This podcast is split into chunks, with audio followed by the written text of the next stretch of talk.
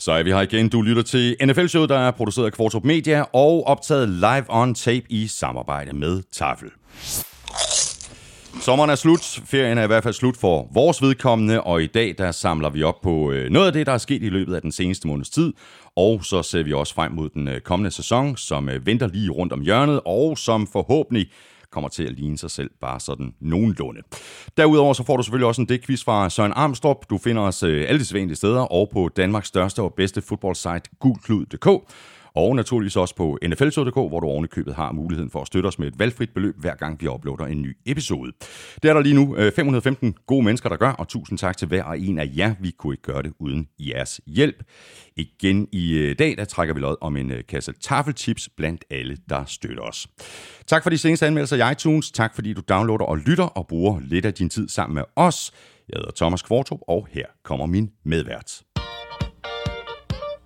Så er vi i gang, Claus Elming. Godt at se dig igen. Jeg, øh, nu sagde du, at mit navn er Thomas Kvartrup. Øh, og jeg kigger over på dig, og så tænker jeg, er det Thomas Kvartrup? Jeg kan nærmest ikke kende dig. Jeg kan nærmest ikke kende dig. Ikke? Altså nyt skæg og hvad, minus 20 kilo. Det er sådan noget i den stil. Du har spist linsechips. Ja. Yeah.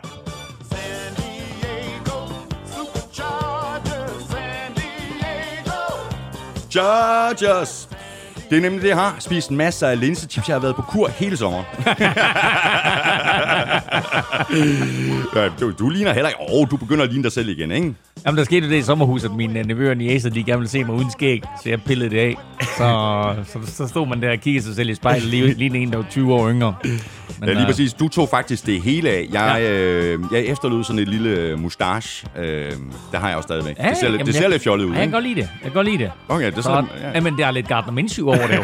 ja, ja, ja. Og kæresten kalder mig konsekvent for McCloud. det er ikke også. Skal vi høre mere om det?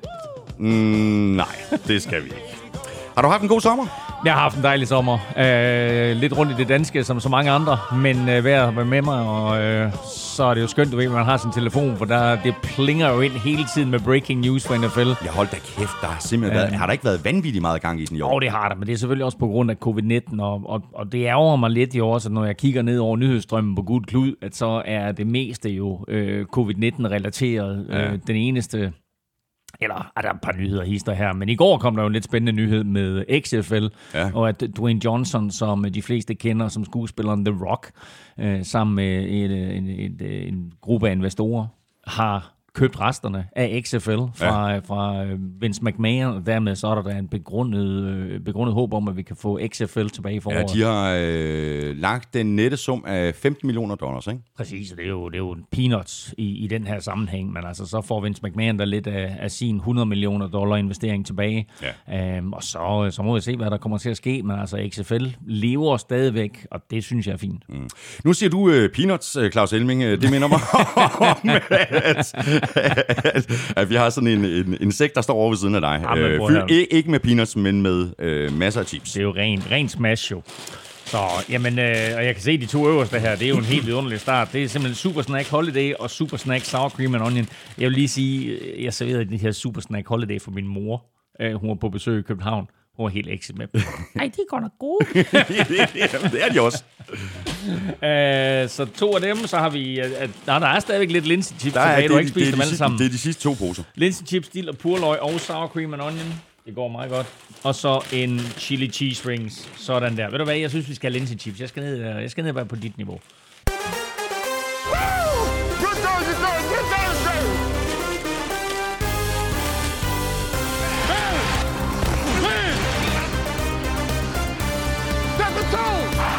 Mogens har fået en historisk kontrakt af Chiefs. Joey Bosa kommer heller ikke til at gå sulten i seng. Cam Newton er en ny quarterback i New England.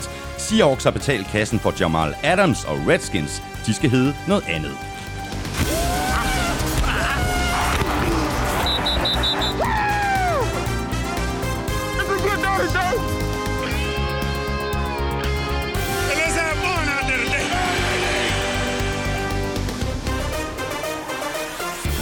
Der bliver ingen preseason i år på grund af coronakrisen, og flere spillere har ovenikøbet valgt helt at sidde ude og springe 2020 over.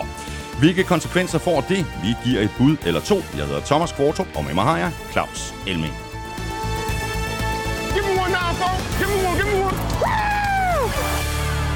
Ja, der er mildt sagt uh, rigeligt at tale om, men inden vi går i kød på alle de her historier, så sætter vi lige gang i quizzerne. Vi skal have quizzen! Åh, oh, Det er tid til quiz, quiz, quiz, quiz, quiz. Du, er, du, er, du er helt vild med at starte quizzen tidligt, synes jeg. ja, men det er fordi, det fungerer bedst øh, Okay. I, med, i, de her, med de her sommer øh, øh, off-season udsendelser. Nå, nå, okay, godt. Jamen, øh, nu må vi se, hvad der kommer til at ske med NFL, og øh, hvor mange kampe de kommer til at spille, om sæsonen overhovedet kommer i gang, om det kommer i gang til tiden, om det bliver skubbet. Vi aner det jo principielt ikke. Nej. Men øh, det er sket et par gange tidligere, at NFL har spillet færre kampe, øh, har været nødt til at aflyse nogle kampe. Det skete i 1987 og med en enkelt kamp, og så skete det i 1982 med syv kampe. Øh, der blev faktisk kun spillet 9 ud af 16 kampe det år på grund af en spillerstræk. Mm. Men øh, hvem vandt Super Bowl det år? Oh. Jeg, kan, jeg kan fortælle dig, at det var Super Bowl 17, så har du lidt hjælp. Jamen, det hjælper mig ikke, det der. Hvem vandt Super Bowl 17? Nej, okay, jeg har måske en... Jeg har måske et bud. Nej, ved du hvad? Can't do it. Så får du øh, Amstrup's øh, det quiz her. Han skriver sådan her. De forsvarende mestre virker parat. Kære Patrick, her er en halv milliard. De gjorde Mogens til fornand, og så var nummer 15 firmaets mand. Høvdinger i Missouri er OK. Washington football team må vi tro på. Cam Newton i Boston udsat for kritik. Hvem har startet som quarterback under Bill Belichick? Altså, hvilke quarterbacks har startet under Belichick i New England siden 2000? Wow. Skal jeg hjælpe dig med et antal? Ja, giv mig bare den. så. 1, 2, 3, 4, 5. Og så Ja. tæller jeg ikke Cam Newton med. Fordi han har, Nej, han har ikke startet, han har ikke startet endnu. Jamen, øh, jeg har, jeg har sgu har meget god, Ja, det meget, tror jeg meget, også. Meget, meget godt bud. Jeg, Ja. jeg, kan lige, jeg kan i hvert fald komme på fire. ja, det er godt. Jamen, øh, så er du godt i gang, og det er vi også. Øh, Spørgsmålet er, og du rundede det faktisk lige for lidt siden, øh, Elming. Spørgsmålet er, om NFL kommer i gang til tiden, og om vi får en sæson, der bare minder lidt om det, vi er vant til. Hvad, hvad, hvad siger din mavefornemmelse Får vi en NFL-sæson? Øh, Preseason er jo aflyst. Ja, preseason, altså alle fire kampe i preseason er aflyst, og Hall of Fame-kampen er aflyst. Og øh, det interessante øh, er jo, kan man sige, at, at sæsonen jo egentlig skulle have været nærmest i fuld gang nu. Altså klubberne skulle være i træningslejr, og Hall of Fame-kampen skulle have været spillet her, var det 8. august eller sådan noget, ikke? Øh, så øh, på den måde, der... Øh, ved vi jo ikke helt, hvor vi står. Alle hold er mødt nu i træningslejre, men har ikke haft nogen fysisk øh, kontakt, altså træninger med kontakt i øjeblikket. Det er alle sammen enten været videotræninger, eller styrketræning, eller noget i den retning. Ja, sådan som jeg forstår det rigtig mange steder, hvis, hvis ikke i alle klubber, så, så stempler spillerne ind, og så bliver de testet for corona, og så skal de dybest set holde sig væk fra, fra andre nogle dage, og så bliver de vist testet igen, og derefter, når, det, når der så er to negative, jamen så kan de få lov til at, at, at begynde at træne i et eller andet omfang. Altså, de skal jo bestå tre øh, tests, og alle skal være negative, for at det er sådan, at øh, de ikke ryger på den her covid-19 skadesliste. Og øh, for et par dage siden, der kunne vi rapportere på Google Klud, at Matthew Stafford var røget på covid-19 skadeslisten, og der vidste vi ikke, om han havde testet positiv, eller han bare havde været i kontakt med nogen, der var smittet. Og øh, her til morgen har jeg så lige øh, gjort en lille artikel på Gul Klud, hvor det er blevet bekræftet, at øh, Matthew Stafford, altså quarterbacken for Detroit Lions, øh, er testet positiv mm, mm. for covid-19, og øh, så må vi jo se, hvad der kommer til at ske med det. Fordi her er det jo heldigt, at klubben som sådan endnu ikke er begyndt med fysiske træninger. Men hvor meget har Matthew Stafford været i kontakt med quarterback-træneren? Hvor meget har Matthew Stafford været i kontakt med de andre quarterbacks? Og det er jo præcis det her element, som alle klubberne har frygtet. Hvad sker der, hvis der opstår corona i vores quarterback-rum? Mm. Og derfor har man også snakket om, jamen altså, hold to quarterbacks sammen, hold øh, en quarterback for sig selv, og så måske en fjerde quarterback på practice-squaden. Hvordan reagerer vi på det her? Hvordan Ja, og de, ja, lige præcis, og de grupper, de må ikke interagere på nogen som helst måde. Præcis, øhm, og nu er han altså, nu er han altså testet positiv, øh, Matthew Stafford, så øh, den første startende quarterback, der er testet positiv, Gardner Minshew for Jaguars, er også på den her covid-19-liste. Ja, Vi ved ja. ikke, om, øh, om han er positiv, eller bare har været i berøring med nogen, der har, øh, der har corona. Men øh, det, er, det er lidt interessant at se, hvad der sker på hele den her front her, for der vil komme rigtig, rigtig mange spillere nu her. Og fodbold er jo bare en kontaktsport, så hvad sker der i det øjeblik, at du øh, styrer coronaen inden for, dine egne, for inden for din egen klub og så videre, og, og tager de forbehold, der skal tages der? Hvad sker der, når du kommer ud?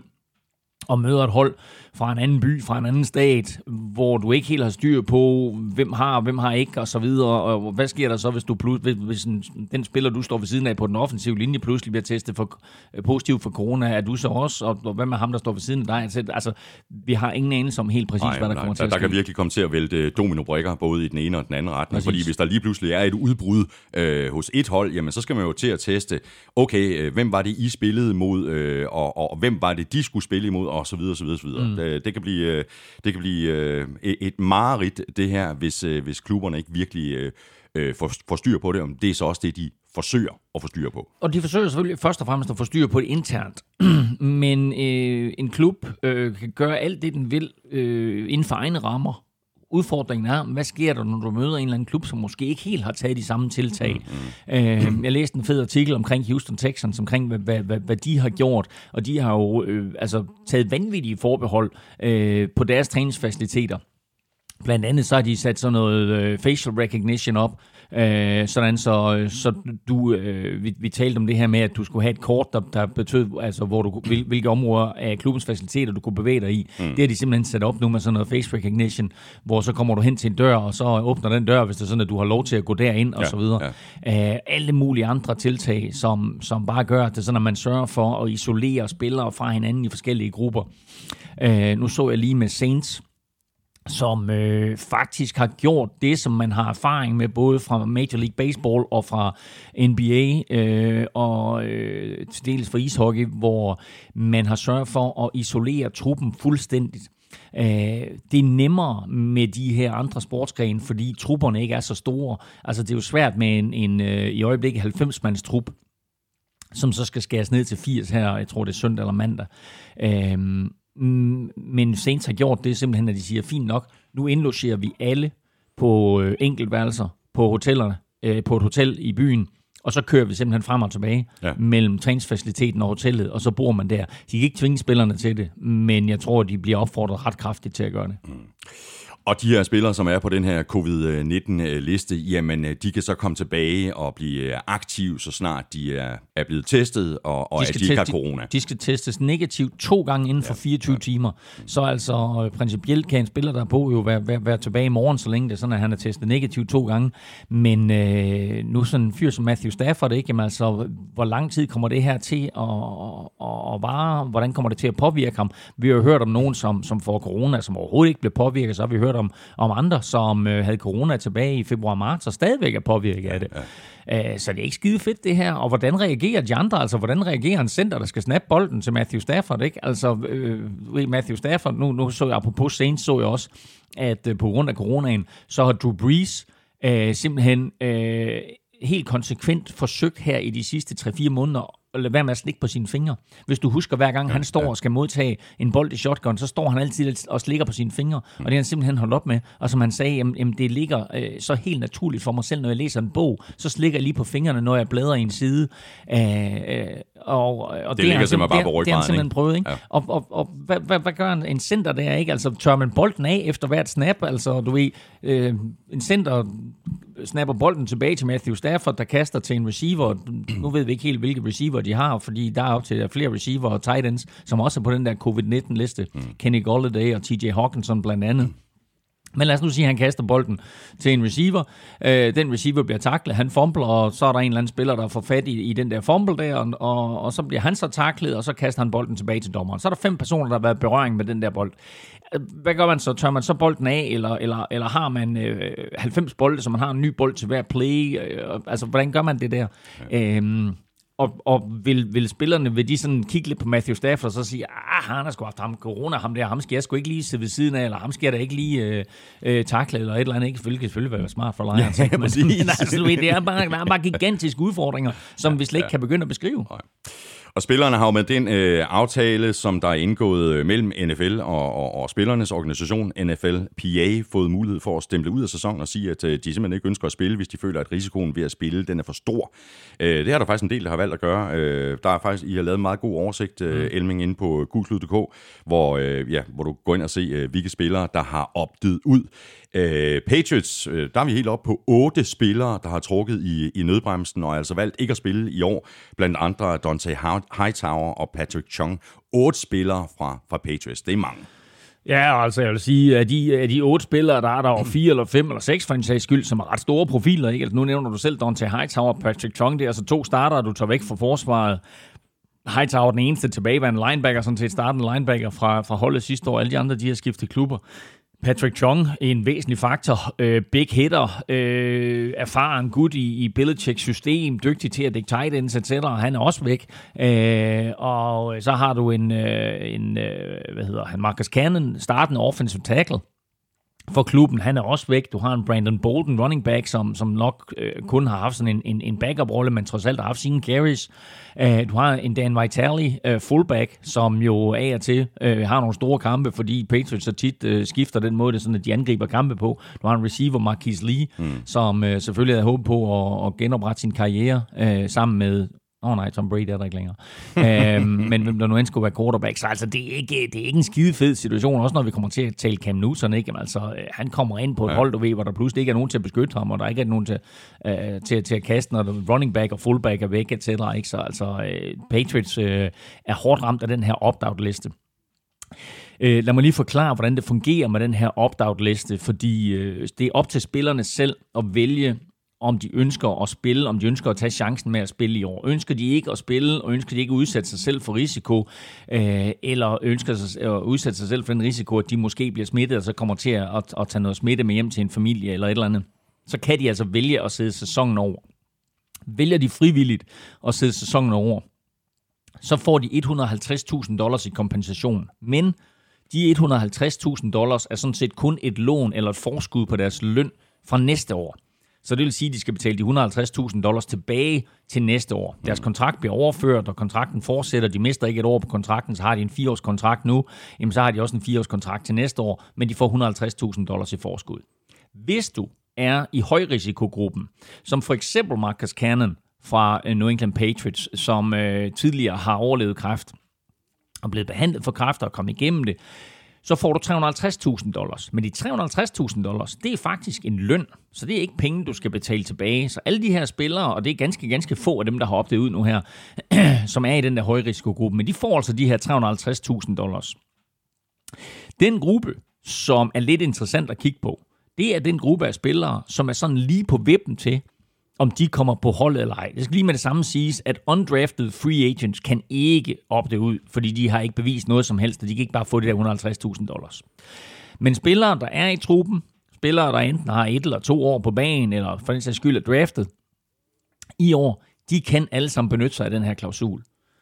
Men hvad nu, hvis de ikke var kommet på holdet? Og hvad nu, hvis de ikke kommer på holdet til næste år? Så har de fået 150.000 dollars hmm. i forskud på en løn, de aldrig får. ja, præcis. Så det er principielt en gave på en ja. million kroner. Ja. Ja. Æh, og tro mig, der er nogle 6. og 7. runde picks, som godt kan se en fordel i, mm. i at tage mm. de der og så sige, okay, wow, det er altså en sikkerhed for, at jeg faktisk får en million her. Jeg har ingen anelse, om jeg nogensinde kommer til at spille fodbold. Nej. Der er en lille mikroskopisk chance for, at jeg kommer på holdet. Nu tager jeg de her 150.000, og så må vi se til næste år. Ja. Og sådan som det er i år, altså, der er ingen preseason øh, til at bevise sig selv. Øh, der er meget begrænset træning med, øh, med, med, med, med pads på. Mm. Så de her marginalspillere får jo meget få chancer til at bevise deres værd. Jeg talte ganske kort med Steven Nielsen i går, vores danske offensive lineman i, i Jaguars. Han har været i Jacksonville siden i tirsdags, altså for en uge siden. Og øh, han sagde, at det var udelukkende rookies, der havde været sammen. Og øh, de havde ikke haft nogen øh, kontakttræning overhovedet. De havde lavet noget styrketræning, og de havde lavet noget playbook-træning osv. Jeg spurgte ham også til playbooken, hvordan den var. Så sagde han så, at den er lidt større og lidt sværere, end den jeg havde i college. Uh, men øh, de skal alle sammen mødes nu her i dag, tirsdag, med, øh, med resten af truppen. Og øh, de er så 90 mand alt i alt, og den skal så skæres ned til 80 mand. Øh, og allerede der øh, er, er Steven jo sådan lidt på vippen. Det talte jeg ikke med ham om. Jeg vil ikke prikke, jeg vil ikke prikke til det, fordi det er da klart, at det er sådan, at, at du, er, du er undrafted. Steven kan jo ikke tage imod det her tilbud om de 150.000 dollars, fordi han er undrafted. Han, han er i camp, han, øh, han skrev en, en kontrakt efter draften var slut, så øh, han kan altså ikke tage imod det her tilbud. Men han kommer ind nu, og han er jo en af de absolut yderste mandater. Der er forhåbentlig en træner eller to øh, og en scout, som har haft et godt øje til ham og sagt, nu skal vi lige tage en chance på ham der, vi skal lige holde ham i 80-mandstruppen. Mm. Men reelt set kan Steven jo blive sorteret fra, fra 90 til 80. Han er på det yderste mandat. Vi, vi, øh, vi, vi kender ham, og vi holder øje med ham, fordi han er dansker. Men altså, i, i NFL og i Jacksonville lige nu, ikke, der holder de øje med alle mulige andre spillere, mm. og så er der forhåbentlig en eller anden, der siger, vi skal lige beholde ham der. Ja. Det må vi øh, krydse fingre for. Øh, hele den her forberedelse, eller mangel på samme, det meste det er foregået online, øh, via Zoom-kald osv. Det er jo, det er jo faktisk først i, i sidste uge, og faktisk i den her uge, at øh, de fleste af rookies øh, har mødt deres træner, altså deres, mm. deres head coach, mm. deres mm. koordinator øh, face to face øh, for første gang. Øh, de har simpelthen øh, mindre tid og mindre mulighed for at forberede sig, før den her sæson går i gang. Det her, det kan ikke, komme, altså, det kan ikke undgå at få indflydelse på den kvalitet af fodbold, vi kommer til at se i, ser i begyndelsen af sæsonen. Vi har jo igennem al den tid, vi lavede NFL-showet, og al den tid, vi lavede NFL på, på TV2 Sport og TV2 Zulu, sagt, at det er nemmere at konstruere, eller det er nemmere at destruere, end det er at mm. konstruere. Øh, og derfor så tager det også lidt tid for angrebene at finde sig selv. Øh, jeg tror, at vi kommer til at se, jeg tror faktisk, vi kommer til at se to ting. Vi kommer til at se angreb, mange angreb, der har svært ved at score. Mange angreb, der har svært ved at flytte bolden. Mange angreb, der har svært ved at finde timingen. Prøv at tænke på, hvor meget timing øh, du misser ved mm. ikke at have de her træninger sammen. Øh, altså det der med, at en quarterback tager et fem skridt drop, kaster bolden uden at receiveren har vendt sig, og så ligger bolden to meter fra receiveren i det øjeblik, at han ligesom drejer. Mm. Øh, den timing, det kræver bare øh, x antal ufattelig mange timer på træningsbanen, og det kræver, du ved, at quarterback og receiver kender hinanden, og at, at man, har, man har øvet det igen og igen og igen. Øh, der har været de her træninger, øh, uden for øh, træningslejren, som øh, Spillerforeningen jo også har slået hårdt ned på og sagt, det der, det går ikke, fordi vi kan ikke kontrollere, hvem de spillere, der kommer ind her og træner sammen, hvor de har været, hvem de har været i kontakt med. Og der har også været nogle coronatilfælde ja. efterfølgende mm. via det her. Mm.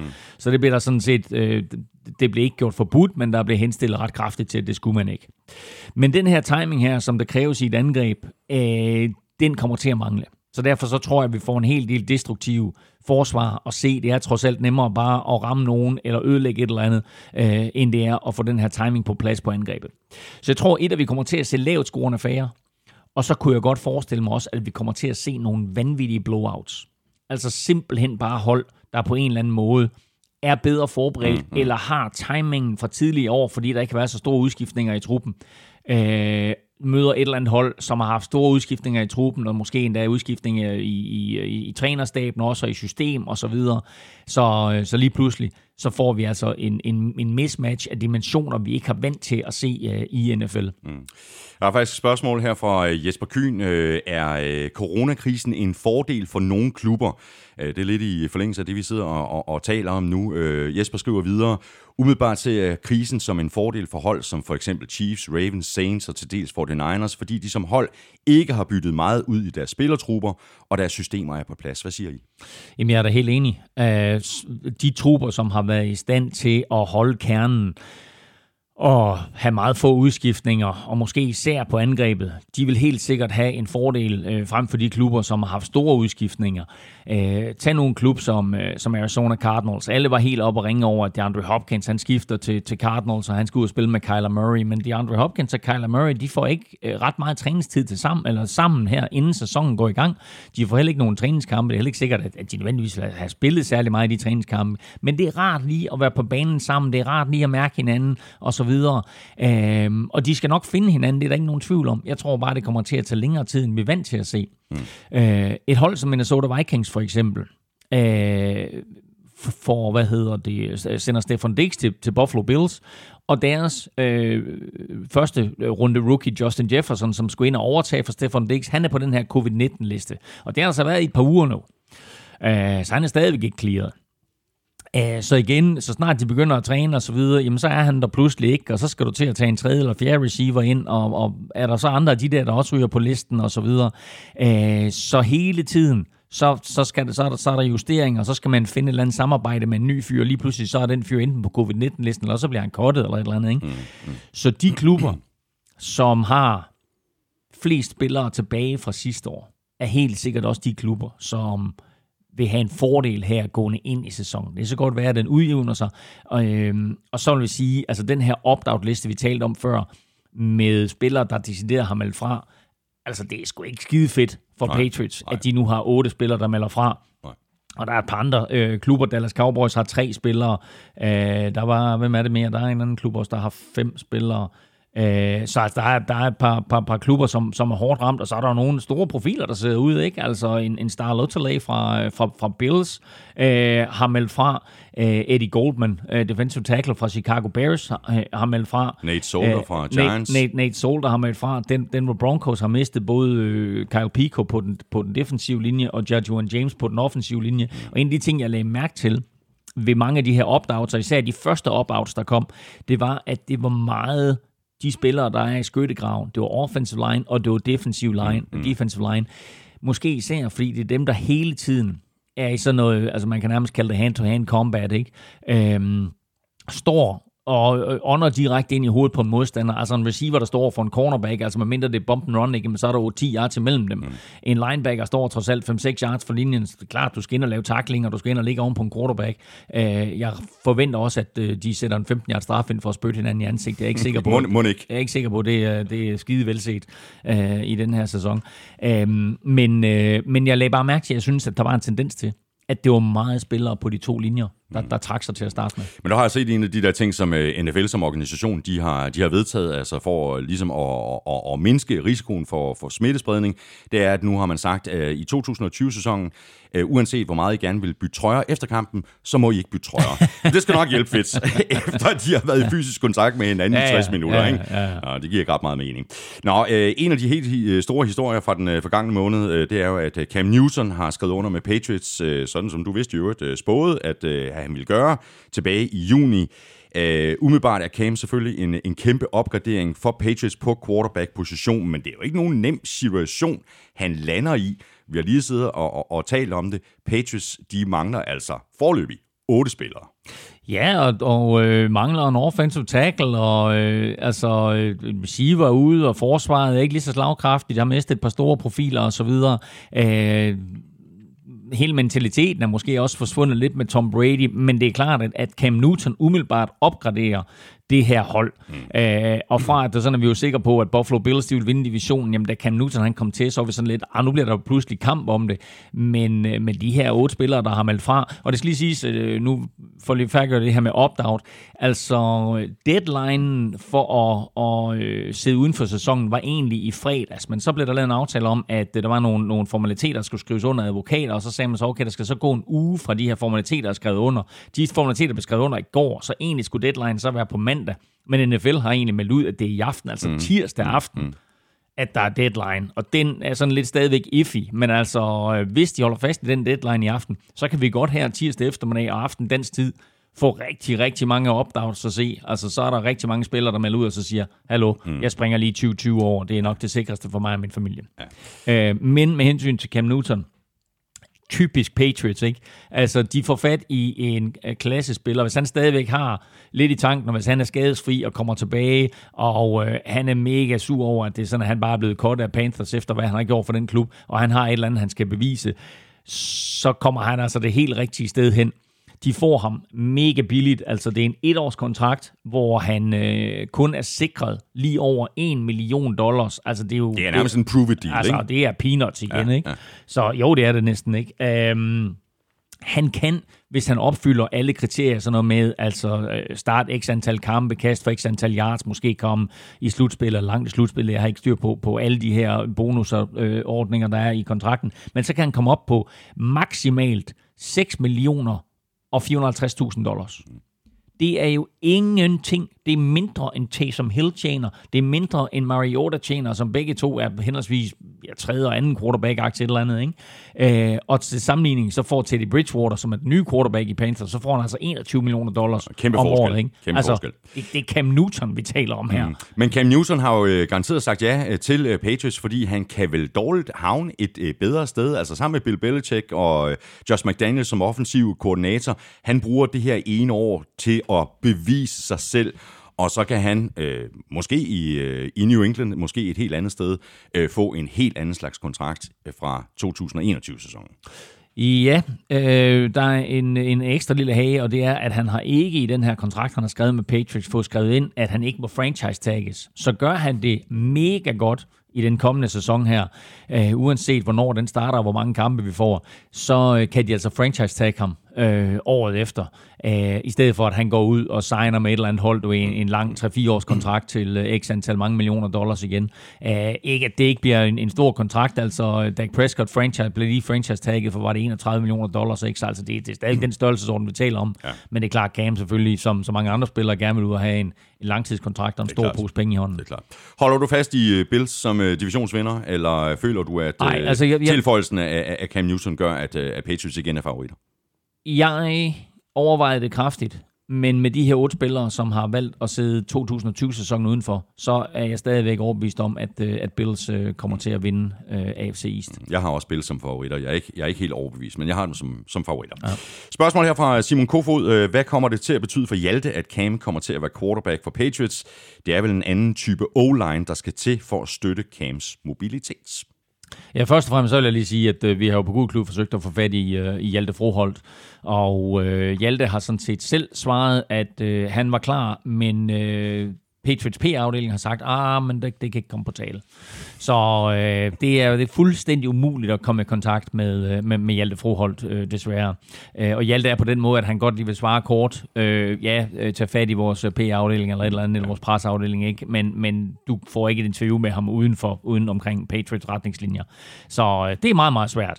Øh, jeg, øh, jeg overvejede lidt frem og tilbage. Øh, du sendte mig det der spørgsmål i går, og så overvejede det lidt frem og tilbage, hvad det ville komme til at betyde for Hjalte. Så tænkte jeg, nu, øh, nu gør jeg faktisk det klogere, da jeg ringer til Lars Carlsen. Mm. Lars Carlsen er øh, landstræner, og øh, har jo haft med Hjalte at gøre, da Hjalte var en ung knæk, der har også hjulpet Hjalte til USA. Og jeg stillede ham det spørgsmål og sagde, hvad, hvad kommer det til at betyde for Hjalte? Og han sagde, jamen altså først og fremmest selvfølgelig, så er det super vigtigt, at Hjalte øh, har godt fodarbejde. Fordi med Tom Brady, der ved du, han trækker ned i lommen, og der bliver han stående, og han bliver stående, indtil han enten har kastet, eller han er sækket, og det vil sige, at du ved, hvor han er henne. Mm. Med Cam Newton, der ved du ikke, hvor han er henne, og det vil sige, at du skal være vanvittigt hurtig på fødderne, og med din arme, sådan, så du hele tiden reagerer på, hvad vil den her defensive lineman, der står over for dig, eller en blitz, der kommer, sådan så du hele tiden øh, bevæger dig. Mm.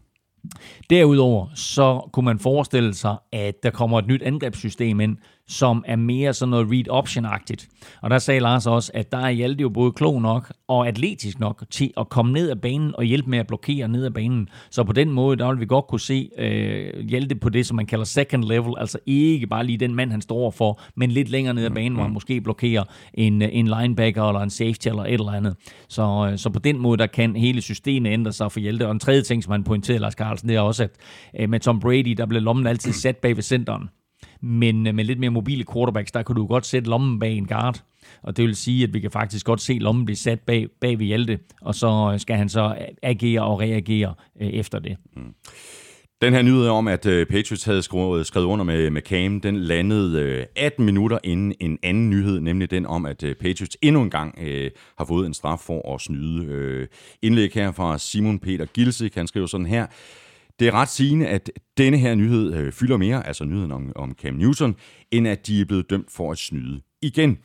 Belichick skal ikke bruge Cam, han skulle bare have en taking out the trash nyhed. altså man kan sige, med den, med den billige kontrakt, de har givet Cam Newton, der kan man godt sige, at det var en taking out the trash nyhed. Men øh, de sørgede for, altså der er ikke nogen tvivl om, de gerne vil have Cam Newton, men de sørgede også for, at Cam Newton-nyheden kom først, og så som sagt 18 minutter senere, så kom den her nyhed om, at Patriots, som vi har talt mange gange om her i NFL-showet, faktisk fik en straf for at filme i, i kampen mellem Bengals og Browns. Øh, ja, de har filmet ned på Bengals sidelinje. Og, og det gjorde de ugen inden, at Patriots skulle møde Bengals. Mm. Øhm, og øh, de har så fået en bøde nu. Øh, Patriots NFL har vurderet, at øh, der var nok at komme efter, så, så de har så givet dem en bøde. Øh, og øh, øh dollarsmæssigt, der lyder bøden på 1,1 millioner dollars, altså mere end hvad øh, Cam Newton er sikret på sin kontrakt. Og så tager de faktisk også et tredje rundevalg ja, fra dem. Og det er det værste. Øh, I næste års, øh, ja. i næste års øh, draft. Ikke? Ja, det er det, det er det værste. Um, og samtidig så får øh, Patriots TV-afdeling heller ikke lov til at optage nogen kampe overhovedet i, øh, i 2020 øh, og holdes afsatte, eller ikke afsatte, men ansatte i, i, øh, i hele den her videoafdeling. De skal faktisk på skolebænken, sådan en NFL-skolebænk, og have undervisning i retningslinjer omkring, øh, hvad man må og hvad man ikke må. Så, øh, så der er sådan lidt et, et rap, med, rap over nallerne med et, øh, med et lille spansk eller et eller andet. Ikke? Øh, der, bliver ikke, der er ikke nogen individuelle bøder, der er ikke nogen individuelle karantæner, øh, hverken til tv-holdet eller til trænerstaben. Øh, og det indikerer trods alt, at de her, i, i den her undersøgelse her, der har man ikke været i stand til øh, at påvise en sammenhæng mellem optagelserne øh, og, og så trænerstaben. Men når du alligevel tager tredje runde pick fra dem og giver dem en bøde på 1,1 million dollars, så må man også sige, altså... Øh, hvor der er røg, er der også tit ild. Øh, og der er altså en alvorlig nok mistanke her. Ja, og, og så der er, der også præcedens. Ja, præcis, der er en historik. Historik og præcedens ja, ja. for Patriots. Øh, så nu har de altså fået den her straf her igen. Og så skal det jo siges, at Bengals jo, eller Patriots jo slog Bengals ugen efter med 34-13, øh, uden at anstrenge sig sådan alt for meget. Mm. Nu har vi talt uh, Cam, uh, en anden quarterback, uh, der har skabt overskrifter her i løbet af den seneste måneds tid. Det er selvfølgelig Patrick Mahomes, der har fået en monsterkontrakt på vanvittige 10 år. Det er den største kontrakt øh, øh nogensinde i sportshistorien. Ja, det er det. Altså øh, 460 millioner dollars, øh, de 141 millioner dollars garanteret, det er altså en milliard dollar, eller en milliard kroner, han lige får i hånden der. Um, ja, du siger 450, og han kan komme helt op på, jeg mener, 503 igen med alle mulige forskellige med, bonusordninger. og så videre. Ja, men der var, så, der var nogle af dem, som var sådan forholdsvis uopnåelige. Men altså, øh, men ja, øh, ja, det er fuldstændig vanvittigt øh, beløb. Øh, der er mange, der har analyseret på de her tal, og principielt øh, så er det egentlig en rigtig, rigtig god deal for Chiefs. Mm. Fordi det er egentlig en fireårskontrakt, hvor han selvfølgelig får mange penge, men derefter så er det en, der er der, så er der mulighed for hvert år for Chiefs at springe fra. Øh, men fordelen for, for, for Patrick Mahomes er, at i modsætning til normale kontrakter, hvor man, skal, hvor man kan springe fra, lad os sige i marts måned, inden det pågældende inden den pågældende sæson begynder, hmm. så skal Chiefs faktisk vælge at springe fra året inden.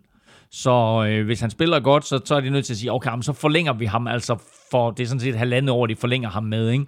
Så det skal de altså hele tiden øh, forlænge ham på forkant. Så det er en fordel for, for Patrick Mahomes, men det er først efter det 6. eller det 7. år i kontrakten, hvor han virkelig, virkelig, virkelig begynder at tjene boksen. Og der, hvor man så kan sige det er, jamen altså der, hvor vi er nu, Øh, coronakrisen gør jo, at lønloftet i år, der har været til store forhandlinger mellem øh, Spillerforeningen og NFL, øh, lønloftet i år forbliver på de her 198 millioner dollars, men bliver så øh, gjort mindre til næste år, fordi der kommer simpelthen en øh, nedgang i indtægter i år øh, med øh, manglende tilskuere på lægterne osv. Der forventer NFL, at de kommer til at tabe omkring 4 milliarder dollars det er altså også en slat penge, ikke? Mm-hmm. Øhm, og øh, mange af de her penge, som NFL kommer til at misse, både på, på, både på lægterne, men også i forbindelse med alle mulige andre indtægter, og måske også tv-indtægter osv. osv. Øhm, der fordeler man det her tab ud over sæsonerne 2021, 22, 23 og 24. Og det starter altså allerede til næste år, og der siger man så, at øh, lønloftet falder, og det falder til Altså man må maksimalt eller minimalt sætte det ned til 175 millioner dollars. Det bliver ikke lavere end 175 millioner dollars. Det kommer blive lidt højere, men i første omgang er det sat til 175 millioner dollars.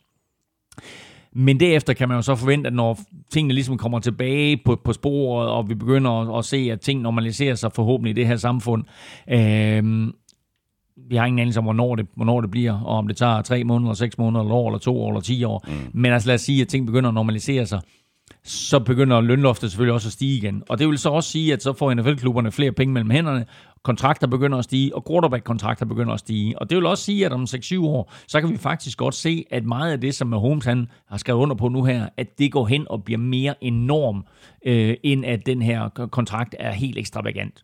Tallet, en halv milliard dollars, lyder fuldstændig vanvittigt men det er reelt set en fireårskontrakt, mm. hvor Chiefs så kan forlænge ham år efter år. Så må vi se. Altså, det er stadigvæk en fuldstændig unik spiller, de har her, og han er sammen med Andy Reid, og Andy Reid har sagt, jeg trækker mig ikke tilbage i forløbig. Så her der har du, ligesom vi har haft Billy og Brady, og vi har haft øh, Pete Carroll og Russell Wilson, ja. så får du nu her Patrick Mahomes og Andy Reid sammen i, i måske alle de her år her, som den her kontrakt løber over. Og nu nævner du lige uh, Russell Wilson, og han får jo en uh, ny spiller på sit uh, hold. Uh, en, en spiller, som vi har talt en del om i, i, i de seneste udsendelser tilbage i, i maj og juni, nemlig safety Jamal Adams. Han ville væk fra Jets. Det kom han i sidste uge, der slog øh, Seahawks til og traded for en af de suverænt bedste safeties i ligaen. Øh, det kostede så forholdsvis dyrt de draft picks. Jamen ved du hvad, jeg vil sige det på Jeg synes faktisk, det her det er en win-win for alle parter. Altså Jets, de får kassen for ham. De får to første runde picks og et tredje runde pick. Uh, Seahawks får en uh, hard hitter, en uh, brutal spiller, som de ikke har haft siden Cam, uh, Cam Chancellor. Uh, de havde ingen pass rush sidste år. Altså Jamal Adams, på trods af han er safety, havde flere sacks sidste år for Jets, end nogen spiller havde for Seahawks. Uh, og de får en, uh, de får en, en, en force, og en presence der i backfielden, og Jamal Adams kan jo flyttes rundt omkring. Han kan stå dybt, eller han kan komme ned i boksen, han kan spille mand til mand på tight ends, altså øh, han, han, han kan lidt af hvert. Ja. Øhm, og øh, han giver dem en, en virkelig, virkelig øh, god tilføjelse til, til, til holdet her. Og så for ham selv, jamen altså, han kommer ind, han kommer til at spille på sin nuværende kontrakt, men til gengæld så ved han også, at med det, som Seahawks har betalt for ham i form af draft picks, jamen der kan han jo mere eller mindre bare skrive sin egen lønsjek øh, nu her, når han skal forhandle løn til næste år. Mm. Christian Norbæk øh, skriver sådan her, øh, hvor meget har Seahawks ønske om at stoppe 49ers løbeangreb haft betydning for traden for Jamal Adams. Han virker som den perfekte spiller til at stoppe Shanahans offensiv. Øhm, og så øh, kan man måske også tilføje, ja nu nævner du tight end, mm. så der er en tight end, der hedder George Kittle, som øh, man sagtens kunne forestille sig, at Jamal Adams han bliver sat på. Og så er der også en lille spire af en, en quarterback i, øh, i divisionen fra Cardinals, som han måske også kan komme til at jagte lidt rundt efter. Jamen altså, prøv at høre, den der division NFC West, der er jo så mange fede spillere nu, og der bliver så mange fede opgør, som om den, den ikke var fed nok i forvejen, ikke? Altså, øh, det, altså det eneste hold, hvor det sådan, vi sådan er lidt bekymret for, det er jo nok LA Rams, ikke? Altså de andre tre, inklusive Cardinals, øh, gør det jo rigtig, rigtig godt, og, og har nogle øh, virkelig sjove profiler, nogle sjove spillere, som vi glæder os til at, at se, og se, hvad de kan, og vi glæder os til at se de her matchups mellem de her forskellige spillere. Og det er klart, at med tilføjelsen af Jamal Adams til NFC West, så bliver divisionen bare endnu stærkere. Mm. Øh, men Seahawks er jo nok også nødt til at gøre et eller andet for, at Fort Niners ikke skal stikke af. 49ers har gjort alt rigtigt. Vi talte også om, at 49ers øh, havde øh, signet Kyle Shanahan, og nu har de så også fået forlænget John Lynch, mm. så den der duo er på plads, og alt det, alt det gode, som 49ers gør, jamen det er de sikre på fortsætter som minimum 6 år endnu, altså de har forlænget dem begge to med 6 år. Øh, og der kigger Seahawks nok lidt omkring, og så siger de, altså vi er også nødt til at gøre noget, mm. for at, at følge med her. Ja. Og når vi er så freaking elendige til at drafte selv... Ja, præcis. Så, de så, der første runde valg, det kan være lige meget, ikke? Så må vi jo hive en spiller ind, som, øh, som har bevist, at han rent ja. faktisk kan spille i NFL. Mm. Og så er det jo lidt interessant, fordi øh, NFL jo bruger sådan et pointsystem, når de kigger på værdien af draft picks. Øh, det er som regel et, et, et pointsystem, som kun bliver brugt i forbindelse med draften. Øh, der er en klub, der siger, hey, jeg vil godt, øh, vil godt trade op, øh, vil godt have jeres første runde pick, og så siger man så, det her første runde pick, det har en værdi på måske 1500 point. Øh, så skal I give så og så mange draft picks, for de der draft picks, de så kommer til at få en værdi af 1500 point. Og kigger du på Jamal Adams, så blev han draftet med, øh, med draft pick nummer 6 øh, i, øh, i, hvad bliver det, 2017, ikke? Um, og øh, det draft pick der, det har officielt ud fra det her schema en værdi på 1585 øh, point, eller 1600 point, undskyld. Øh, og hvis du så siger Seahawks er blandt NFL's bedste klubber, hvis vi siger, at de ender sådan i omkring top 8 hvert år, jamen lad os så bare sige, at gennemsnittet af de her to første runde draft picks, som de sender videre, mm. det er jo ikke et top 10 valg eller top 5 valg. Lad os bare sige, at det er sådan top, top 3, 4, 25 valg. Hvis det er det, så er værdien af de to valg til sammen omkring 1450 point. Og så lægger du lige det der tredje runde pick oveni, så er det 145 point, så er du på små 1600 point igen. Så på den måde, der går pointsystemet op mm, mm. omkring, hvad Jamal Adams er værd, og hvad, hvad, hvad Seahawks giver.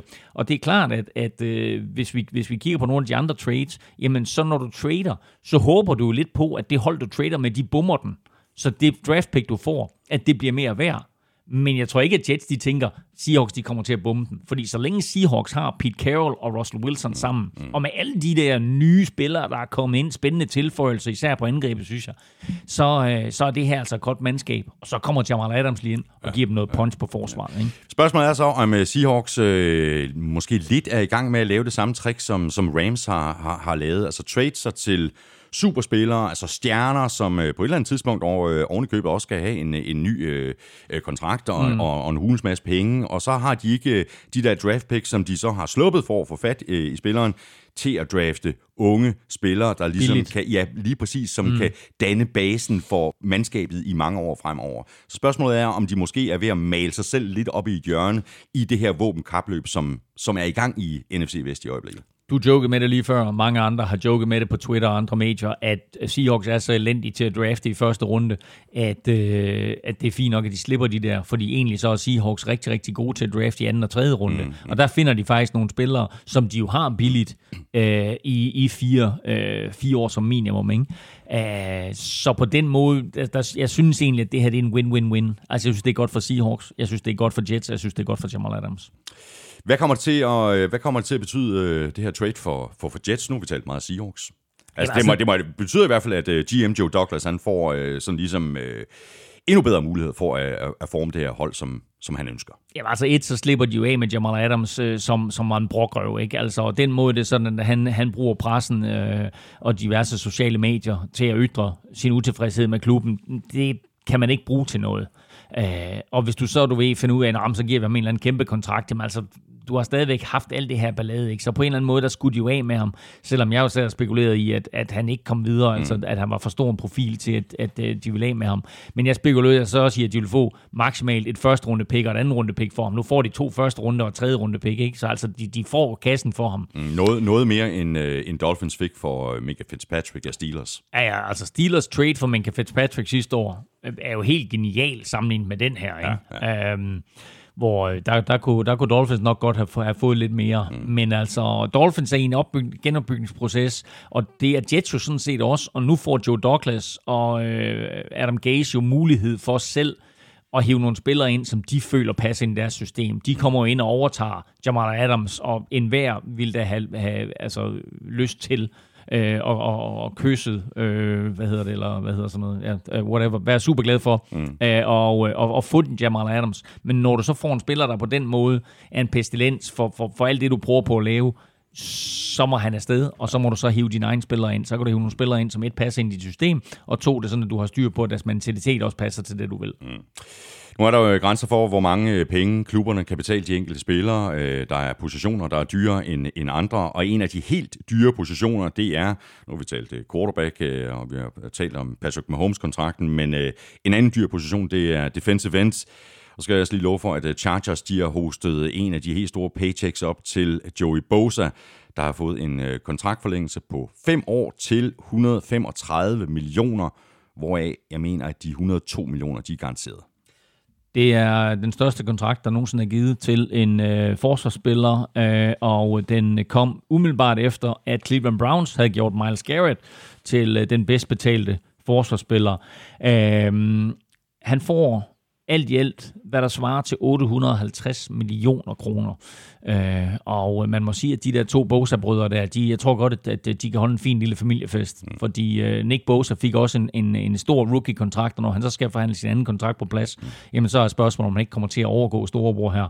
Men lige nu, der er Joey Bosa den bedst betalte forsvarsspiller øh, i NFL, og selvom han har været meget skadet, øh, så har han jo bare været øh, dominerende, når han har været på banen.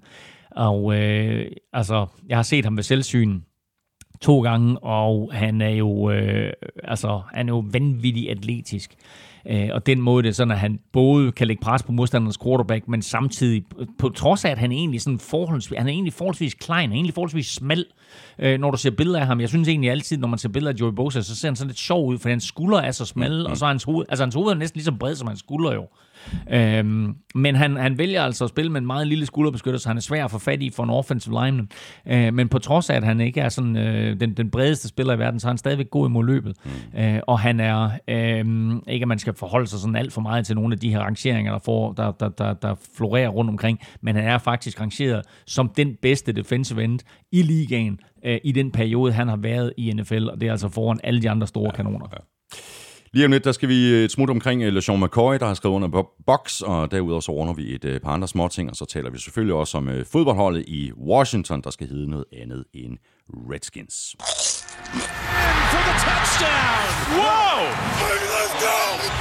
Wow! Ugen spiller præsenteres af Tafel. Ja, ugen spiller, det kunne jo være Joey Bosa, i hvert fald rent øh, kontraktmæssigt. Øh, der bliver ikke spillet nogen kampe i øjeblikket, så derfor er der ikke nogen ugen spillerlodtrækning, men vi skal have trukket lod om en øh, hulsmasse huls masse og det skal vi blandt alle, der støtter os med et valgfrit beløb på tier.dk eller via det link, der ligger på nflsød.dk. Elming, du er godt i gang. Det hele det er fuldstændig ligesom det plejer at være. Det er jo dig, der er. Lykkenskud. Sådan. Hvor mange er vi oppe på på tier.dk? 515, der støtter os. Så et lille fald her hen over sommeren. Jeg tror, vi er oppe på 522. Ja, vi har også et lille fald på Velropa, så nu er folk tilbage fra, fra sommerferie, så er vi faktisk kommet op igen. Øh, og det samme skal vi have på NFL-showet. Det skal vi i hvert fald. Nu skal, nu skal vi lige... Øh, Men vi halter langt efter Velropa. det er jo vanvittigt. Det er vanvittigt. Nu, øh, Det er de der cykelfolk, der de er, de er entusiastiske. ja, det er NFL-folk også. Nu har jeg trukket en NFL-menneske her, som hedder Kent Søby. Kent Søby.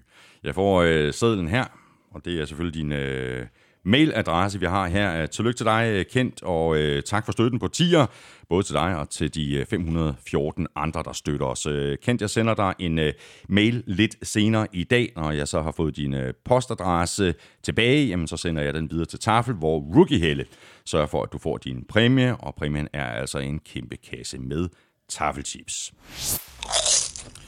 Og som jeg sagde lige for lidt siden, øh, så har running back LeSean McCoy skrevet under på en øh, etårig aftale med Buccaneers. Jeg ved ikke rigtig, om han bliver starter eller hvad han gør, men han får i hvert fald noget øh, rutine til holdet, og må ikke også, at øh, Brady han kan bruge McCoy i, øh, i kastespillet, og måske også på tredje down. Der er også nogen, vi se, om han overhovedet kommer på holdet. Altså, øh, de har selvfølgelig Ronald Jones dernede, men det, der er sket for dem også, øh, er, at en af deres backup running backs er rød på den her covid-19-liste. Og øh, så længe du har spillere på den, der må du hive spillere ind fuldstændig kvitterfrit.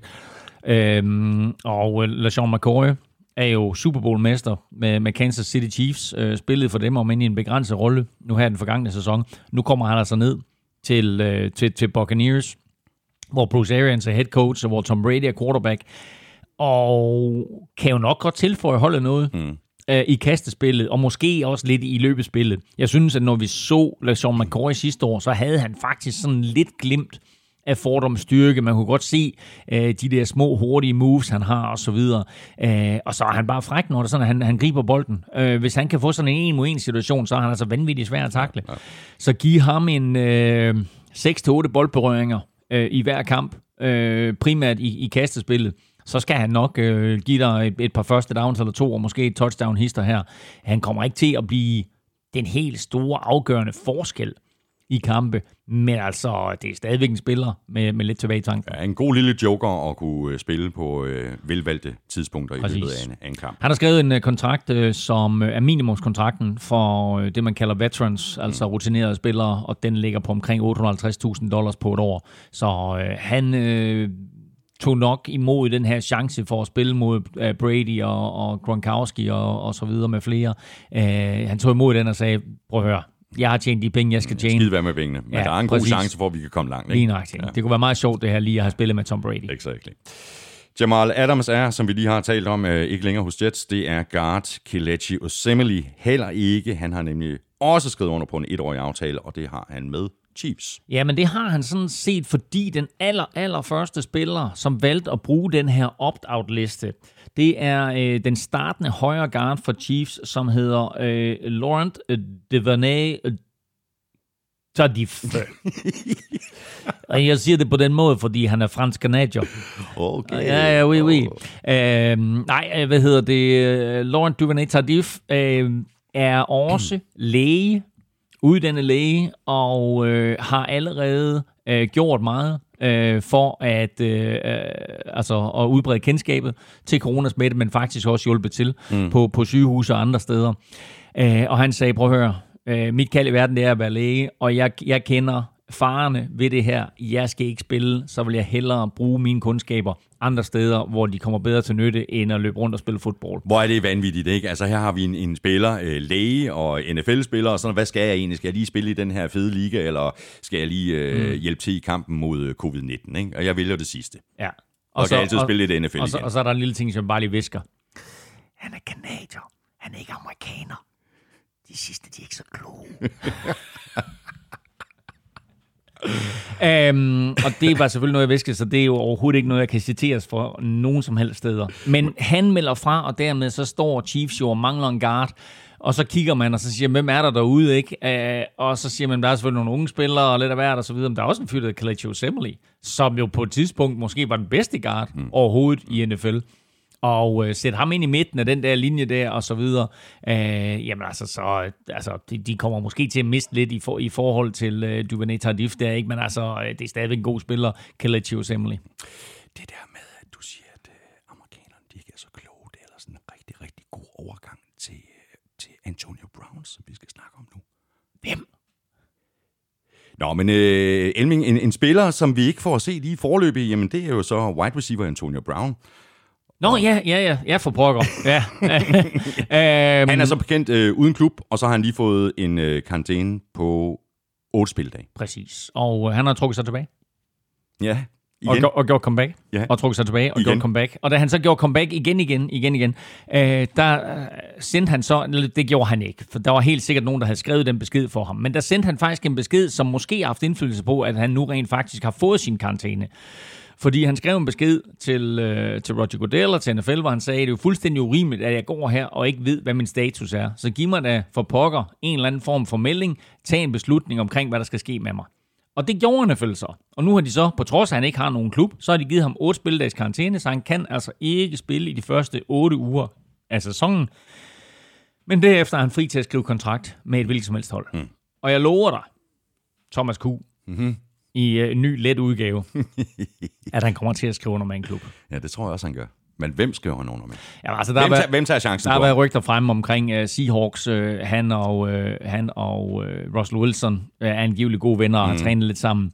Uh, Tom Brady har også advokeret for, at uh, Tampa Bay Buccaneers skulle hive ham ind, men altså, de har på gode receiver dernede i forvejen, mm. og på gode tight ends, og Bruce Arians har meldt klart ud. Det Men kommer, det kommer af til at ske. Nej, men den der ene kamp, som han spillede for Patriots sidste sæson, det gik jo sådan set ok, ikke? Greb et touchdown, og der var god kemi mellem ham og Brady, ja. så uh, ja, ja. Nå. Skal vi lige runde af med øh, at tale om øh, fodboldholdet i Washington, der jo ikke længere skal hedde Redskins. Øh, det er et øh, faktum. Øh, spørgsmålet er, hvad de så kommer til at hedde, og hvornår at øh, det nye navn det bliver offentliggjort. Lige nu hedder de Washington Football Team. De har altså øh, sagt farvel og tak til øh, Redskins-navnet, ligesom vi også skrev inde på øh, Gul Klud, at øh, Ed- Edmonton Eskimos har sagt farvel og tak til Eskimo-navnet, og nu hedder Edmonton Football Team. Øh, så altså et af de bedste hold i den kanadiske Football Ligas historie øh, hedder nu bare Football Team, og det samme gør sig gældende for et af de bedste hold i NFL's øh, historie, nemlig Washington de nu tidligere Washington Redskins, der nu hedder Washington Football Team. Og så må vi se, øh, hvornår øh, de skifter navn og til hvad, øh, og hvordan og hvorledes, men øh, jeg tror, de vil ikke tage en, øh, en, en forhastet beslutning her, så nu Nej. valgte de bare lige at spille øh, 2020-sæsonen, øh, som i øvrigt, altså, eller som, som i forvejen jo er en fucked up sæson, Ja, øh, så valgte de at spille den under navnet øh, Washington Football Team. Der er så øh, Ron Rivera, den nye head coach for Washington Football Team, øh, har også fået kamp til sidste år. Øh, holdt derop en masse ballade, han har skulle tage stilling til, efter han, øh, at han skrev under. Men altså, jeg tror, at altså, de ting, jeg har hørt uh, Rivera udtale sig omkring og sige, og den måde, han agerer på, både da han var Carolina head coach, og, og nu her efter han er kommet til Washington, jeg synes simpelthen, han, han virker som en fantastisk mand. Jeg tror, at hvis der er en mand, der kan løfte den her opgave, ja. så er det lige præcis ham. Ikke? Ja, og så har han jo en eller anden form for... Øh, det er ikke indianerblod, han har i sig, men han har en eller anden form for, for ikke hvidt blod i hvert fald, øh, som gør, at det sådan, han også kan tage stilling til hele det her Black Lives Matter øh, og så videre, og også til hele Redskins øh, situation og så videre. Så han har en anden... Og det væltede frem med dårlige historier om sexchikane, og jeg ved ikke, ikke- hvad. og- det- det- det er ja, ikke- det, er ikke, det er ikke for småbørn, vel? Altså, hvis bare øh, en, en, en lille del af alle de historier, der har været fremme, er, er sande. Og Ron Rivera for en uge tid siden eller to øh, sagde jo, men øh, jeg har ansat min datter her i organisationen, og jeg kan garantere for, at jeg ikke finder mig i den slags fremadrettet. Mm. Mm, ja, ja, men altså, øh, det, det kommer vi slet ikke ind på nu her i hele den her snak om, om Redskins navne, men ja, der var en anden kæmpe historie, nemlig som du siger, med, med, med sexchikane og med øh, cheerleaders, der blev, der blev bedt om at troppe op til forskellige arrangementer, øh, meget, meget let påklædt og så videre, og øh, der var altså en hel stribe af personer der, som efterfølgende blev fyret. Øh, tingene kunne ikke føres helt op til Dan Snyder, så han fik altså lov til at bevare sin position som ejer, men der var rigtig, rigtig mange, som øh, stillede spørgsmålstegn ved Dan Snyder som ja, ejer, ja. og der er også mange af de her minoritetsejere, som har stillet deres øh, minoritetsaktier til salg, mm. og så må vi se, hvor, hvor, hvor de ender henne. Jeg, øh, jeg har skrevet en lille tirade omkring det her med Redskins navn. Og øh, nu skal man tage den for, hvad den er, fordi den, øh, den er skrevet umiddelbart efter, at øh, det kom op det her med, at Redskins måske ville skifte navn, eller faktisk det kom op lige efter, at, øh, at de havde skiftet navn.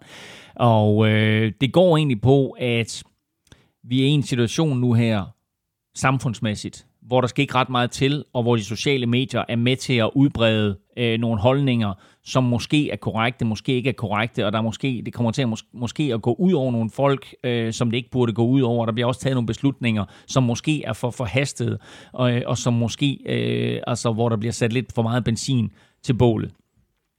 Og derfor så er der nogle indianergrupper, som jo ikke synes, at det er skide fedt, at det her Redskins navn øh, er, er forsvundet, fordi de egentlig godt kunne se det positive i det. Øh, og øh, den her, øh, det, det her lille skriv, som jeg lavede, øh, det, det, det lyder sådan nogenlunde som det her. Øh, Redskins logo er en tidligere høvding for sortfodstammen. Det er det samme billede, som var på en amerikansk 5 cent mønt fra 1913 til 1938. Manden bag logoet var også sortfodsindianer. Han hedder Walter Wetzel med tilnavnet Blackie. Hans børn og børnebørn lever stadig og fortæller med stolthed om baggrunden for logoet og hvad det har betydet for indianere over hele USA. Og her er en lille sjov detalje. Redskins havde et stort R som logo indtil 1971, hvor Wetzel, som på det tidspunkt var folkevalgt politiker med indiansk baggrund, spurgte Redskins ejer, om han ikke ville sætte indianerhøvdingen på hjelmen, mm. i stedet for det store R. Mm. Det var en kæmpe ære for sortfodstammen og for mange andre indianerstammer rundt om i USA, og så endda hovedstadens NFL-hold. Større kunne det næsten ikke blive. Og det her var på et tidspunkt, hvor der ikke var mange positive historier om indianere. Den generelle holdning var, at de var dogne og drukkenbolde. Walter Wetzel, manden bag logoet, kom fra en position som repræsentant for indianere i staten Montana til at blive en markant politiker i Washington D.C., og han var gode venner med både Kennedy-familien og præ- præsident Lyndon B. Johnson. Mange indianere ser ham som en slags Martin Luther King for de indfødte. Han forsøgte konstant at gøre forholdene bedre for indianere over hele USA, og at ændre Redskins logo fra et R til høvdingehovedet var næsten en slags symbol på hans succes som politiker. Han havde enorm betydning for små og store stammer over hele USA, og det går glemt i hele den her snak. Der er naturligvis også folk, og også indianer, der mener, at både navn og til dels logoet er nedværdigende og racistisk. Men for en stor del af de adspurgte, der er de stolte over navnet og logoet og føler sig repræsenteret i Washington. En hel Navajo-stamme har nærmest protesteret over, at Redskins skifter navn. Og en lille interessant detalje er også, at staten Oklahoma er det indiansk navn, der betyder rød mand. Så hvis indianere i deres eget sprog kalder sig selv for røde, hvornår er det så pludselig blevet racistisk at kalde dem for røde? Men som med så meget andet, så er det her helt ude af proportioner, og er foranledet af en lille gruppe, der er stødt eller krænket på vegne af nogle andre. Og så en lille sidehistorie. En af de første store NFL-stjerner og verdensklasseatleter i det hele taget var Jim Thorpe. Han var indianer og hed ikke Jim Thorpe rigtigt, men det var hans navn, da han spillede college football og deltog i de olympiske lege i 1912, hvor han vandt guld i både femkamp og 10 kamp. Han var så stor en profil, at da Washington Redskins tog sit navn, mente mange, at man forsøgte at lægge sig op i Jim Thorpes popularitet, og måske endda køre lidt plat på ham, fordi han var så stort et ikon. Klubben havde i 1932 også en træner og flere spillere med indiansk baggrund. Nu forsvinder navnet, og også logoet, og så er der ingen reference til et indfødte amerikanere længere på hovedstadens hold. Og så må man spørge sig selv, var det virkelig det, de ville opnå? Og til sidst et lille citat fra Walter Wetzels søn, Lance Wetzel. Når jeg kigger på logoet, så ser jeg en indfødt amerikaner og en sortfods indianer på hjelmen. Og det repræsenterer, hvem vi er som folk, for vi er et stærkt folk. Jeg kigger på det, og ser også min far. Og et logo, der var det første positive image for indfødte indianere i 1970'erne. Godt indlæg øh, her fra dig, Elming. Jeg går ud fra, at øh, det er at finde på gult lud, eller øh, er det at jeg har, jeg har, på... Jeg, det, det, det er kun at finde på NFL-showet, så det er fuldstændig eksklusivt for NFL-showet. Hvor er det fantastisk. Og man kan mene øh, meget om, om alt det her, øh, og vi lever i en tid, hvor der ikke skal så forfærdeligt meget til, for at øh, der bliver draget nogle konsekvenser, som, øh, som nogen er glade for, og andre er, er mindre glade for. Og øh, du øh, kom med et rigtig godt øh, indspark øh, her, Elming. Og det skal jo også siges i den her sammenhæng, at der er rigtig, rigtig mange steder, hvor de har fjernet Redskins navne, og Redskins navne er faktisk i Kalifornien også blevet fjernet per lov. Mange colleges har fjernet Redskins navne, mange high schools har fjernet Redskins navne. Der er stadigvæk 46 skoler på diverse niveauer i USA, der bruger Redskins navne. Det var det, Elming. Øh, det var de øh, historier, vi havde valgt at tale om i dag. Vi skal lige have et øh, par svar i quizzerne, før vi lukker og slukker. Vi skal have quizzen! Åh. Oh. Det er tid til quiz, quiz, quiz, quiz, quiz. ja. Skal jeg svare først? Er det ikke det, jeg plejer at gøre? 1982 blev der spillet ni kampe. Ja. Hvem endte med at vinde Super Bowl det år? Mm. Jeg, kan sige, jeg kan sige, at der var 28 hold i NFL på det tidspunkt, ja. og man valgte at sætte 16 i slutspillet. Er det sådan noget, vi kunne forestille os, at vi kunne komme til at se igen? Sæsonen bliver for kort, man siger, prøv at høre, vi kan ikke nøjes men de der, altså man har også gjort det i NBA jo, hvor ja, man har sagt, ja. jamen fint, vi har nogle hold, der går i slutspillet, og så har vi nogle hold, der spiller om at komme med i slutspillet. Er det det samme, vi kommer til at se i NFL? At hvis de bliver nødt til at forkorte sæsonen, jamen så siger de, okay, de, de normale 12 hold, vi har i slutspillet, det kan vi ikke nøjes med, vi sætter nogle flere hold i slutspillet. Mm. Og, og det er jo så i ja. udvidet til 14 år jo. Yes. Men øh, spørgsmålet gik altså på, og det var Super Bowl øh, 17, øh, hvem der vandt øh, den. Øh, og der er en eller anden lille klokke, der har bimlet i mit baghoved her de seneste 2, 3, 4, 5 minutter, hvor vi har talt om det her mm. øh, fodboldteam, som så ikke længere skal hedde Redskins. Så jeg tror faktisk lige præcis, at det var Redskins, der vandt den Super Bowl. det er fuldstændig korrekt. Oh, tak. Washington Redskins vandt 27-17 over Miami Dolphins. Uh, i øvrigt efter, at de var bagved 17-10 ved pausen, så Dolphins scorede altså overhovedet ikke i anden halvleg. Uh, running back John Rickens blev MVP, og det mest interessante ved 1982-sæsonen, det var, hvem blev liga MVP? Uh... Det gjorde kicker Mark Mosley. Eneste gang nogensinde. Okay, hvor er det vildt, mand. Eneste gang nogensinde kicker blev MVP. Ah, det er stærkt. Ja, det, var, det var min quiz til dig. Så kommer yes. den der quiz derover. Hvilke quarterbacks har startet under Belichick i New England siden 2020? Og jeg løftede sløret øh, ja. for dig uh, indledningsvis, at der er tale om fem ja. forskellige spillere. Og Cam Newton er selvfølgelig ikke med, fordi han har ikke startet. Nej, nej, nej, det er fint. Så vi siger selvfølgelig uh, Drew Bledsoe. Yes. Tom Brady. Yes. Uh, Matt Castle. Ja, så har du dem. Jamen har jeg det? Ja, ja, det, det, det, det, det var tre, ikke? Så mangler vi to. Ja, hvad hedder ham fra Coles? Hvad hedder han? Uh, jeg kan ikke, jeg kan ikke hjælpe dig den, er, den, er så langt, den, er, den er så langt væk. uh, Jacob Brissett. Ja. Yeah. Um, ja, så mangler vi en. Jamen, hvorfor, hvorfor kan jeg ikke komme på det? Altså, jeg vil jo egentlig sige Doc Flutie jo. Nej, det skal du ikke sige. Jamen, jeg tror, Doc Flutie starter Nej, en kamp. Nej, det skal, jeg ikke, Jamen, jeg tror, Doc Flutie starter en kamp. Okay, men det er ikke med i quizzen. Nej, okay. Det er en anden spiller. Øhm... Jimmy, Jimmy, Jimmy. Nå, Jimmy Garoppolo. Stærkt. Ah, men det var fordi, de andre, det var første rangs ja, ja, det er skide ja, godt. Ja, godt. Tak for det, Elming. Det har været en, øh, en fornøjelse. Øh, ja, øh, jeg kunne faktisk godt tænke mig at tjekke op på det der med Doc Flutie. Ej, det, kan godt være, det, kan godt være, at han ikke, det kan godt være, han ikke startede som quarterback. Han var jo inden, han var backup quarterback, Doc Flutie, en overgang for, øh, for Patriots.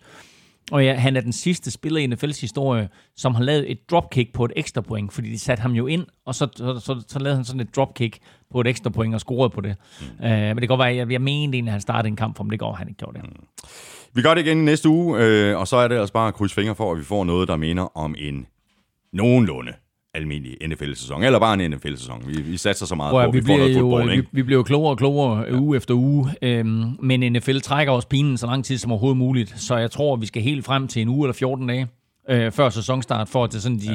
de siger, øh, at, øh, at, at vi kommer til at ændre på sæsonforløbet. Mm. Jeg vil lige her anbefale, at man går tilbage og hører den podcast, vi lavede omkring kampprogrammet fordi der gennemgår vi jo fuldstændig øh, strukturelt, hvordan NFL kan ændre i sæsonen, hvilke kampe de kan aflyse, Præcis. og hvilke kampe de kan skubbe, hvilke uger de kan skubbe, mm. og hvordan de eventuelt kan skubbe øh, Super Bowl også fra første weekend i februar til sidste weekend i februar. Mm.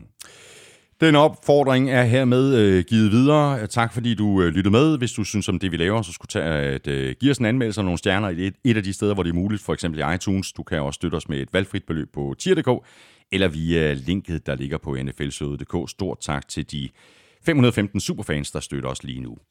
Også tak til vores gode venner og samarbejdspartnere fra Tafel. Støt dem, de støtter os. Og så skulle du tage at følge Elming på Twitter på snablag NFLming. Mig kan du følge på snablag Thomas Kvartrup. Du kan følge showet, og det kan du på både Twitter og på Facebook. Der kan du øh, kommentere og stille spørgsmål, og det kan du også på mailsnablag.nflshowet.dk. Tak for nu. Vi høres ved i næste uge. NFL-showet er produceret af Kvartrup Media, der også producerer Danmarks største politiske podcast, Born Unplugged. Og selvom politikerne er på sommerferie, så er der alligevel en del at tale om, når vi vender tilbage. Elming giver den gas over på Villeuropa-podcasten, og så er Elming og jeg ellers øh, som sagt tilbage med meget mere NFL-showet i næste uge. Ha' det rigtig godt så længe. Hot også.